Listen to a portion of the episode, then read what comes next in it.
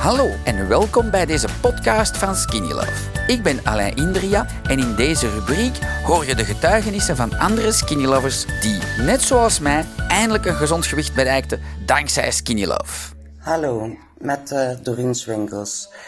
Ik wou zeggen dat ik met de AX1 nu drie dagen ben begonnen. Ik heb jaren last van pijn in mijn nek, in mijn schouder, elke keer pijnmedicatie, spuiten erin. Ik ben nu drie dagen bezig en uh, ik moet zeggen dat ik al heel veel baat erbij heb. En dat, dat ik eigenlijk uh, al beter slaap, uh, minder last van mijn nek en mijn schouder heb. Dus het resultaat van de AX1 is super. Dus ik ga er sowieso mee door. En het, het is gewoon een wondermiddel. Ik, ik kan niks anders zeggen als een wondermiddel, want ja, jarenlang met pijn leven en spuiten erin en fysiotherapie en alles. En uh, waarschijnlijk ook nog een operatie. Nou, dat hoeft nou dus ook niet door te gaan.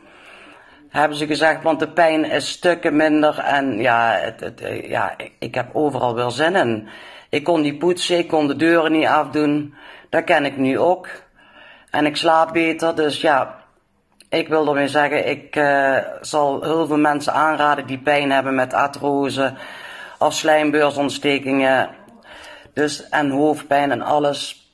En die lage rugpijn, dat ze er echt proberen om dit te gaan proberen, dat, echt, dat het echt helpt. Bij mij heeft het echt geholpen en ik ben pas de derde dag bezig.